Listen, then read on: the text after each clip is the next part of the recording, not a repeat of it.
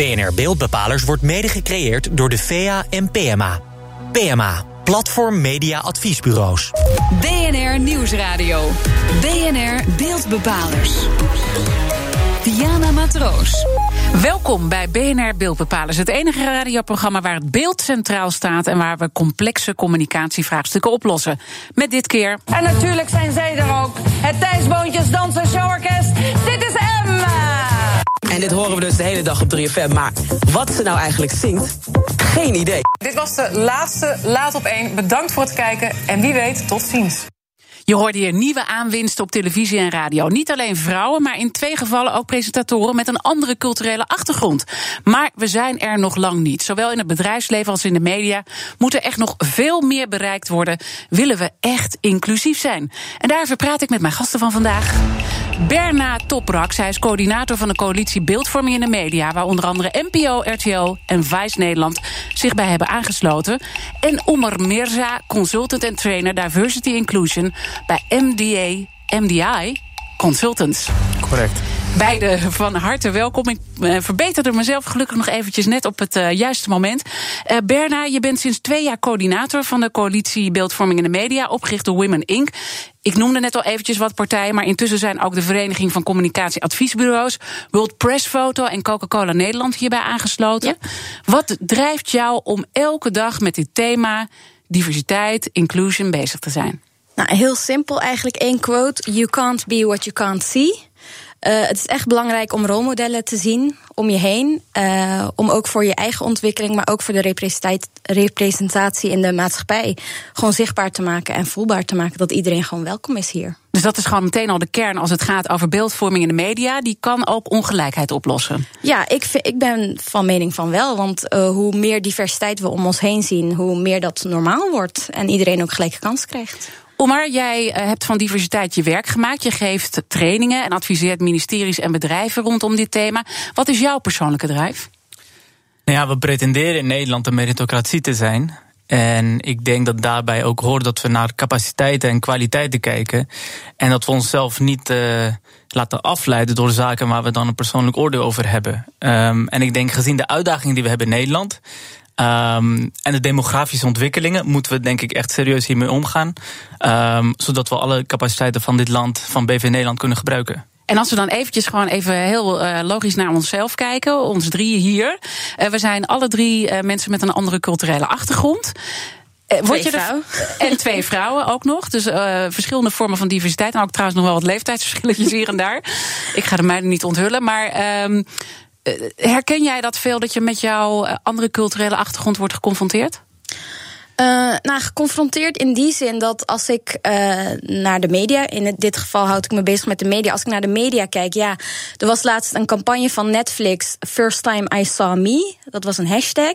En ik moest echt heel hard nadenken, wanneer was de eerste keer dat ik mezelf zag op tv in een populaire programma? En dat was best wel lastig om daar een antwoord op te geven. Hoe maar? Heb jij dit ook? Herken je ook dat dit voor jou persoonlijke rol speelt? Um, het speelt voor mij persoonlijke rol. Ik denk de eerste keer was toen 9-11 uh, plaatsvond. Ik ben 14 jaar oud, ik zit in de klas. En tijdens economieles word ik naar voren geroepen. En de docent vraagt mij: Oemar, leg mij nou uit waarom jouw boek dit omschrijft, dit voorschrijft. Um, dus dat was wel een moment dat ik dacht van, oh wacht even. Nu moet ik me verdedigen uh, ik, ik voor moet, iets ik moet, me, ik moet gaan verantwoorden. Maar het overkomt mij persoonlijk niet zo vaak. Maar het gaat mij er ook niet om wat mij persoonlijk wel en niet overkomt. Het gaat mij om een fenomeen wat aanwezig is in het land. Ja. En, en dat is inderdaad dat we, of we het willen of niet, mensen wel in hokjes plaatsen. En daar allerlei conclusies aan verbinden. Elke dag weer uh, binnen enkele seconden dat we iemand zien. Helaas. En daar moeten we vanaf. En dat is ook, zeg ik altijd, want ik zet me ook in voor culturele diversiteit uh, in de media, maar ook daarbuiten.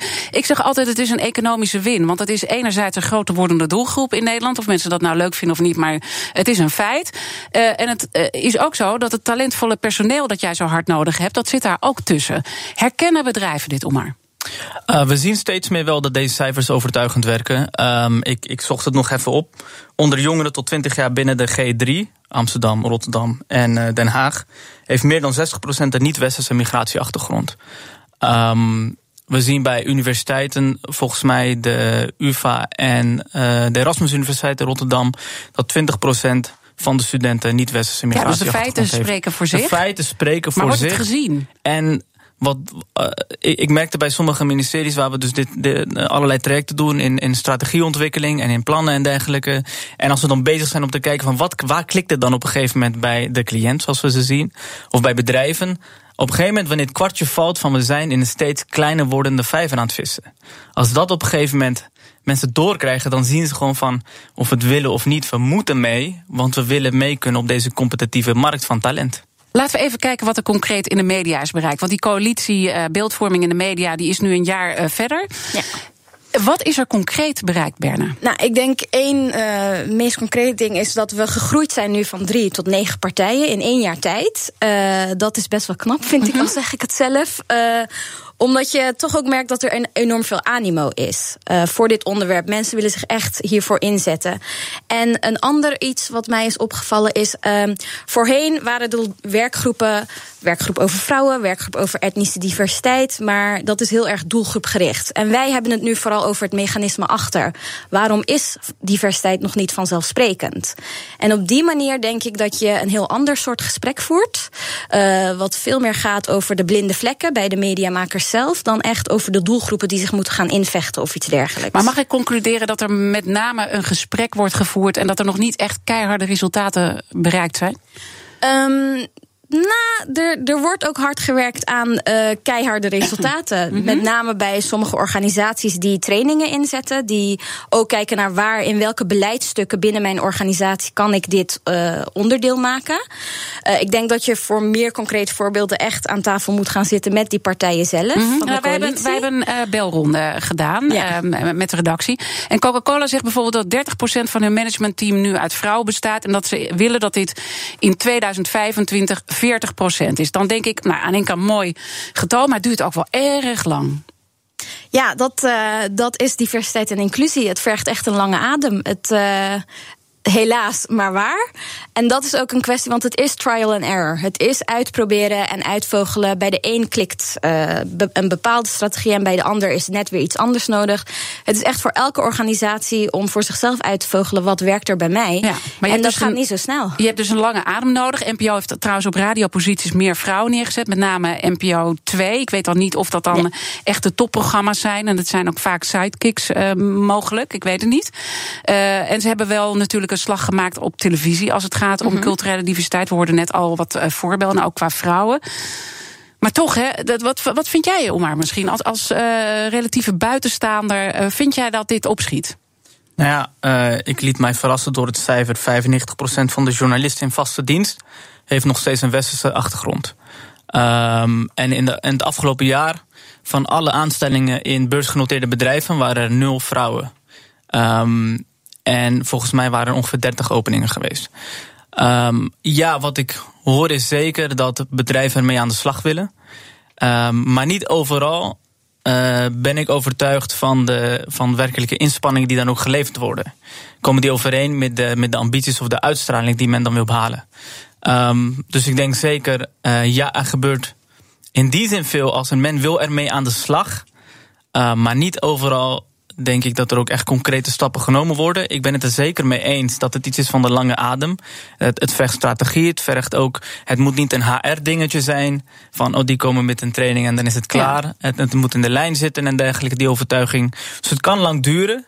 Maar ik denk zeker ook van laten we ook wel scherp blijven op wat we wel en ook misschien niet hebben bereikt. Ja, want welke scherpte gaan jullie nu aanbrengen? Want iedereen is erover in gesprek en er gebeuren wel hier en daar wat dingetjes. Maar bijvoorbeeld RTL geeft ook heel eerlijk aan. Het is gewoon heel moeilijk om het echt helemaal te integreren in je bedrijfsprocessen. Ja. En echt gewoon te zorgen dat dit geen bijzaak wordt, maar een kern. Nou, wat, dat is ook een van de dingen. Ja, het vergt een lange adem. En daarom ook dat de coalitie zo'n belangrijke rol vervult. Want uh, wat wij hebben gemerkt, is dat heel vaak wordt dit werk gedaan door enkele mensen die intrinsiek gemotiveerd zijn. En, maar die brengen de echte verandering. En een netwerk is echt enorm belangrijk. Willen we deze mensen kunnen versterken en hun werk kunnen blijven doen. En dan is zo'n coalitie, dat werkt gewoon heel erg versnellend. Want dat wordt een moment waarin je allemaal verschillende perspectieven kunt uitwisselen. Dan heb jij misschien een idee idee wat werkt voor een ander. En dan komt iemand uit het bedrijfsleven met een ander idee wat jij kunt Oké, toepassen. dus worden ideeën uitgewisseld. Maar kun je ons uitleggen waarom het toch zo moeilijk is? Want ik denk in een jaar kan er veel eh, gebeuren. En sommigen waren er Ja. daarvoor ook al mee bezig. Hè? Waarom het nou zo moeilijk is om echt te veranderen? Het is, het is een heel ongemakkelijk onderwerp. En eh, we hebben heel vaak het idee als we het over diversiteit hebben. Oh ja, dan moet je alles in één keer mega goed doen. En je mag geen fouten maken. En ja, dat, dat, die angst voor fouten maken. eh, dat, dat zorgt er uiteindelijk voor dat of je brandt je vingers er überhaupt niet aan. Of je gaat er helemaal. eh En helemaal gewoon niet weet waar je moet beginnen Ja, eigenlijk. Ik weet niet waar je op moet beginnen.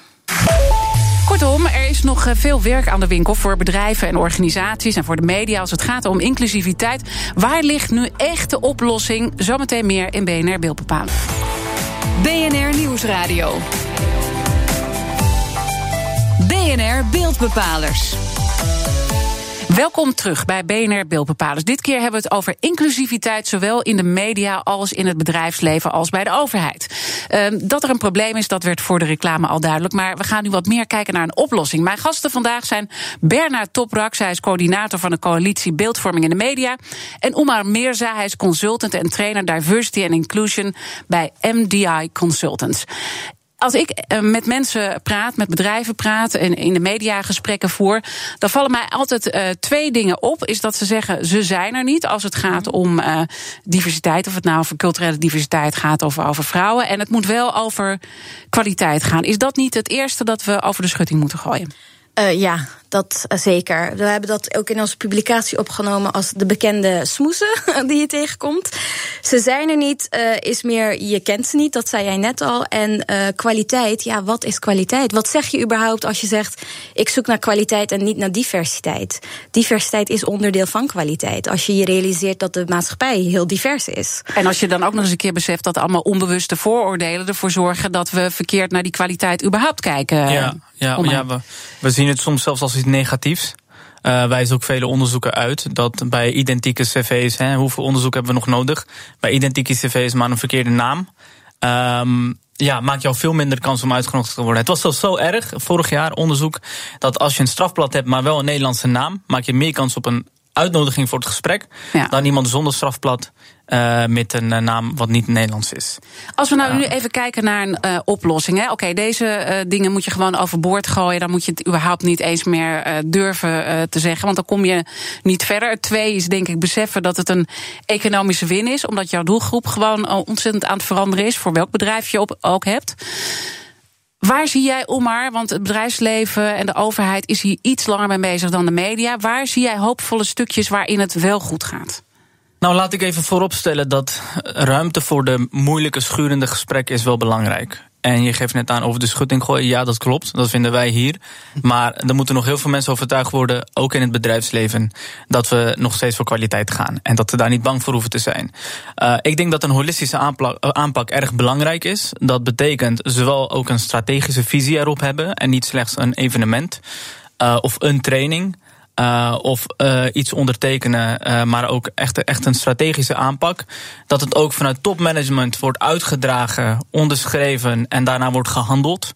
Um, dat niet dat we dan bij een volgende aanstelling voor een CFO gaan zeggen op een gegeven moment, als er wordt gevraagd, gaat u nu wel voor een vrouw? Dat we dan zeggen, nee, we gaan wel voor kwaliteit. Um, en ook dat het niet een HR-dingetje wordt. Van dit is weggelegd bij HR.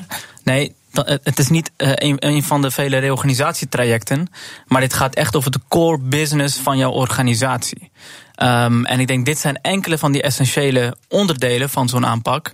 Dat, dat we ook op een gegeven moment dan toegaan naar: oké, okay, waar willen we dan heen? Hoe zien wij die toekomst waarbij onze organisatie divers en inclusiever is? Kunnen we dat meetbaar maken? Kunnen we daar doelstellingen aan koppelen? Durven ja, wij dan, onszelf verantwoordelijk te houden? Als het over culturele diversiteit gaat, dan zegt iedereen: je mag het niet meten. Volgens mij mag je het wel meten. Um, ja, er is altijd er weer discussie over. discussies over, maar alles is mogelijk. Als, als, als iedereen wat wil, dan vinden ze altijd wel een mogelijkheid. um, maar laat ik zo zeggen, zelfs zonder meten, kijk om je heen. Ja, dan, dan, dan weet je uh, In genoeg. de toplagen uh, hoef je niet zoveel te tellen. Het is zo gedaan. Wat, wat zou jij nou al die mediabedrijven die jullie uh, bijstaan in die coalitie adviseren? Want we hebben er nu over gesproken, ze beginnen ja. het zich te beseffen. En nu stap 2. Uh, bij, ons ligt de nadruk ook heel erg van uh, we voeren de gesprekken, maar ook hoe ga je het borgen, zodat het niet afhankelijk is van een persoon. En één zo'n voorbeeld is bijvoorbeeld, je neemt het op in je functioneringsgesprekken, want als mediamaker ben je verantwoordelijk voor een representatief beeld. Dat betekent dat je uh, diversiteit in beeld moet gaan brengen. En doe je dat niet, ja, dan doe je je taak gewoon niet goed genoeg.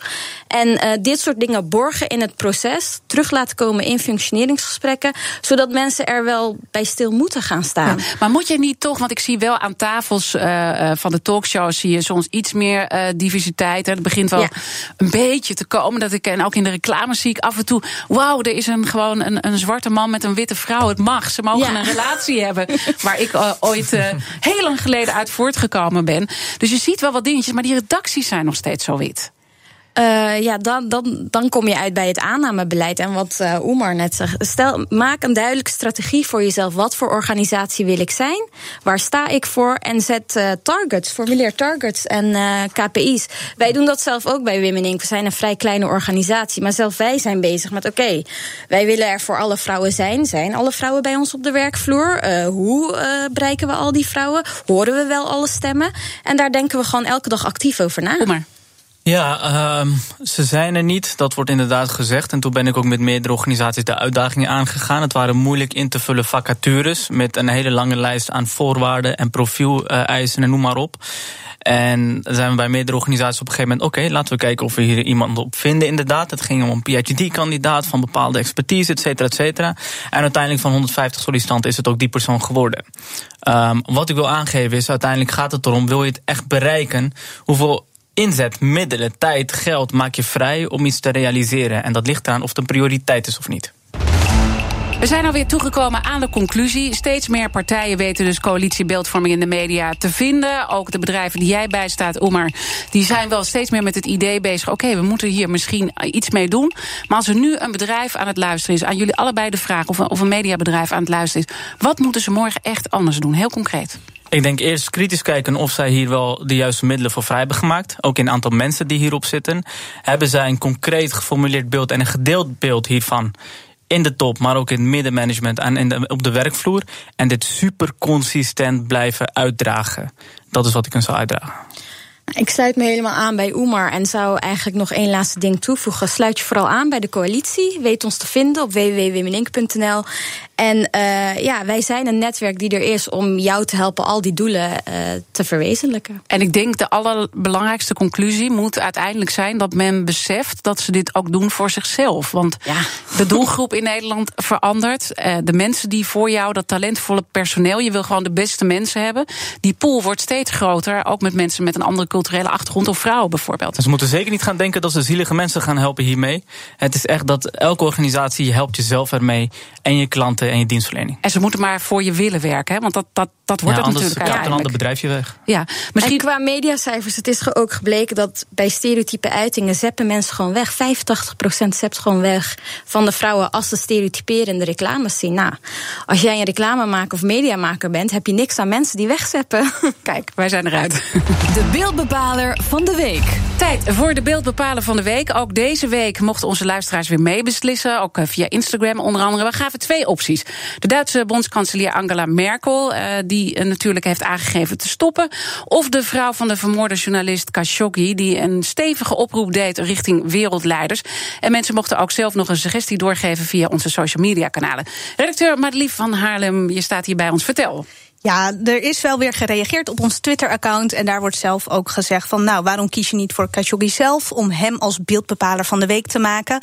Um, wij hebben dit keer gekozen voor Angela Merkel. Want de Duitse bondskanselier die stelt zich in december... ja, niet meer opnieuw verkiesbaar als partijleider van de CDU. Ehm, Merkel wil haar termijn als bondskanselier afmaken... en in 2021 definitief uit de politiek stappen.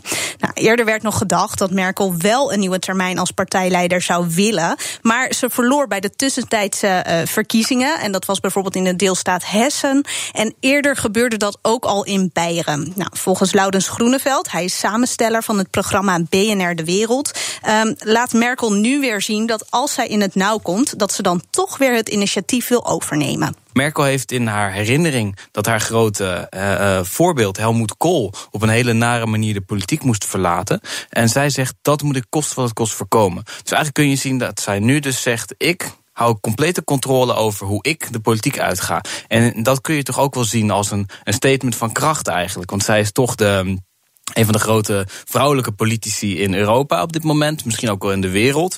En uh, veel mensen hadden niet verwacht dat zij zo snel na die tweede nederlaag in Hessen... dat zij al met zo'n statement zou komen. Nee, precies. Dus nou ja, we zijn voorlopig nog niet van haar af. Hè. Tot 2021 blijft ze nog aan. Uh, Berna, ik ben wel even nieuwsgierig. Want ja, hè, uh, Merkel, een vrouw van wereldformaat. Of tenminste, aan de top. Um, wat vind jij ervan? Vind jij haar echt een voorbeeld voor andere vrouwen? Uh, ik denk gezien uh, de uh, slechte zeg maar, regering representatie van vrouwen in de politiek, denk ik dat zij zeker wel een voorbeeld is voor het aantal vrouwen die zich in haar herkent. Om een carrière na te streven in de politiek. Waarom niet? Omar? Ja, ik denk zeker dat zo'n persoon een belangrijke rol vult. Los van de politieke standpunten. Denk ik ook, zolang het bijzonder is dat een vrouw het zo lang volhoudt tussen mannen, weten we dat we door moeten zetten, want er moet meer inclusie komen. Kijk, en dan is het onderwerp eh, weer rond. Er is nog steeds werk aan de winkel. Ik praat graag een keer met jullie verder. Dank je wel, uh, Madelief van Haarlem. En dank natuurlijk ook aan mijn gasten, Bernard Toprak, coördinator van de coalitie Beeldvorming in de Media. En Omar Meerza, consultant en trainer Diversity and Inclusion bij MDI Consultants. Dit was BNR Beeldbepalers. Terugluisteren kan via de site, de app, iTunes of Spotify. Mijn naam is Diana Matroos. Tot volgende week. BNR Beeldbepalers wordt mede gecreëerd door PMA en de VEA. VEA, de Vereniging van Toonaangevende Communicatie Adviesbureau.